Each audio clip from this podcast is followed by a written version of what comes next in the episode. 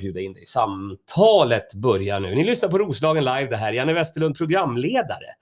Innan vi börjar den här stunden, intervjustunden, så vill jag säga att kolla in roslagenlive.se. Där har vi alla våra poddar och nu börjar också dyka upp live-events. Bland annat den här Happy Shitty Rock Club som kommer växla upp. Så kolla in roslagenlive.se. Men nu säger vi hej till dagens gäst Leo Lundberg. Hello! Tjena, tjena, hej, hej, god dag. Det låter eh, så, den tonar av sig själv. Mm, ja. Välkommen, hur är läget? Jo, men det är bra. Mätt på låten. Ja, ja, du har fått korv. Ja, den man äter. Ah, vad bra. Du, eh, första frågan är alltid samma. Mm. Eh, och man får ta den precis som man vill. Eh, vem är du, Leo? Mitt namn är Leonel Lundberg, jag är 28 år och singel, hej allihopa. Uh, utöver det så är jag något av en väldigt kreativ människa som inte har brukat min potential, så vad vill man säga mer med det? Kreativ, impulsiv och något galen. Det är väl det man skulle vilja kunna påstå säga. Jag är en eh, individ som har en väldigt skev tankeställning där alltid när man ser någonting så brukar det vara, men tänk om man gör det här annorlunda, som i tvärtom. Ja. Mycket att eh, min tankegång har ju mycket, vad ska man kalla det, 180 graders hörn.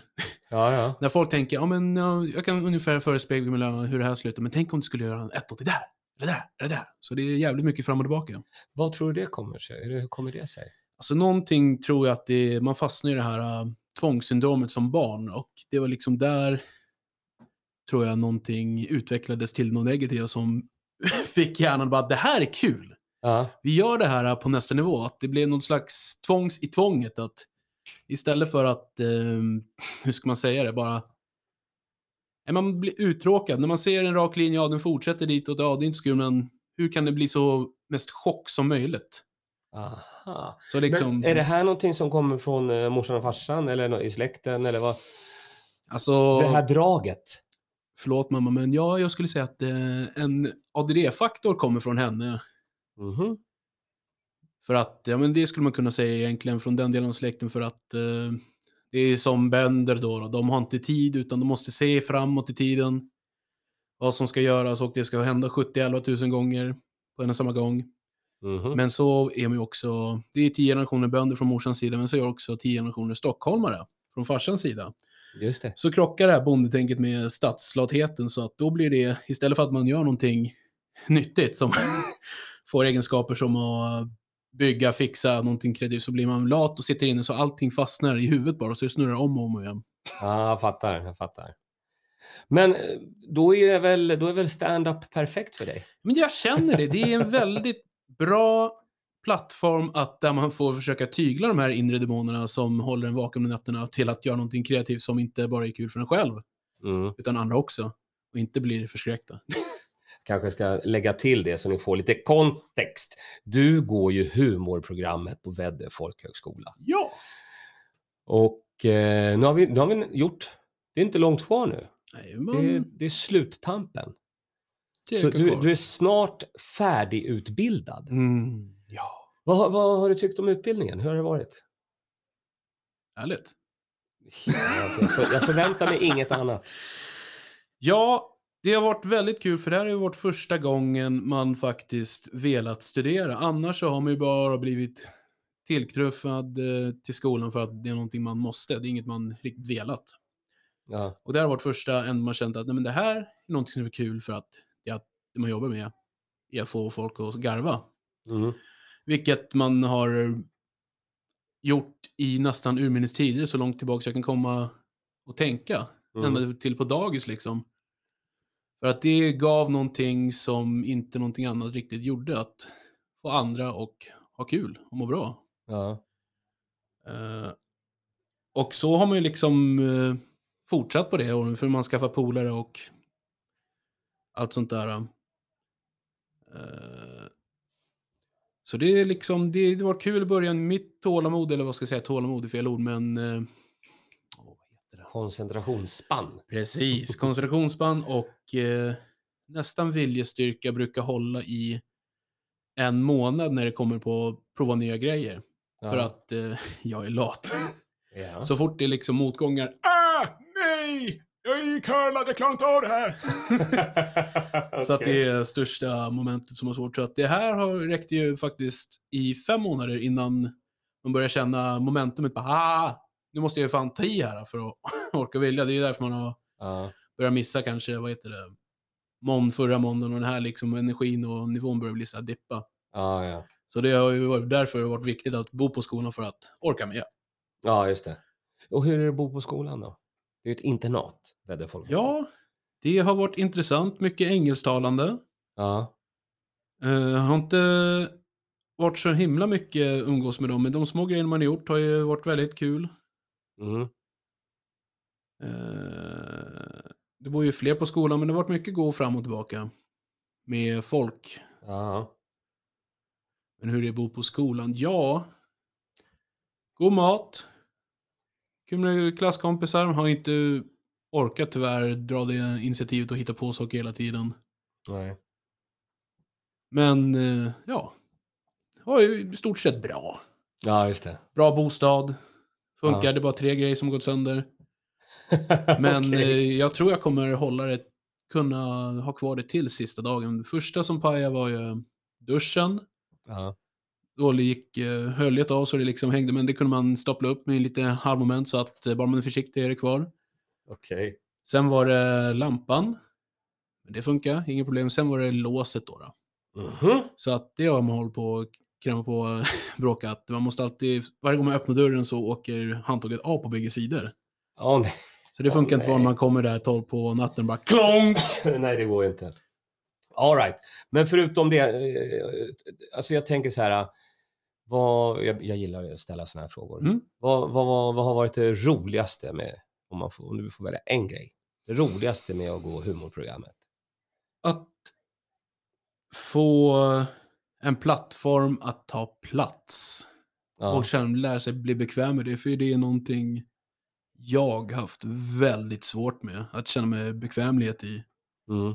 För att alltid när man kommer till nya sociala sammansättningar på något sätt, det är alltid den här, även om det är gamla poler där, att bara, just någon slags social ångest som sitter tillbaka. Att jag har känt de här i flera år, men någon, om det gått typ en månad eller så.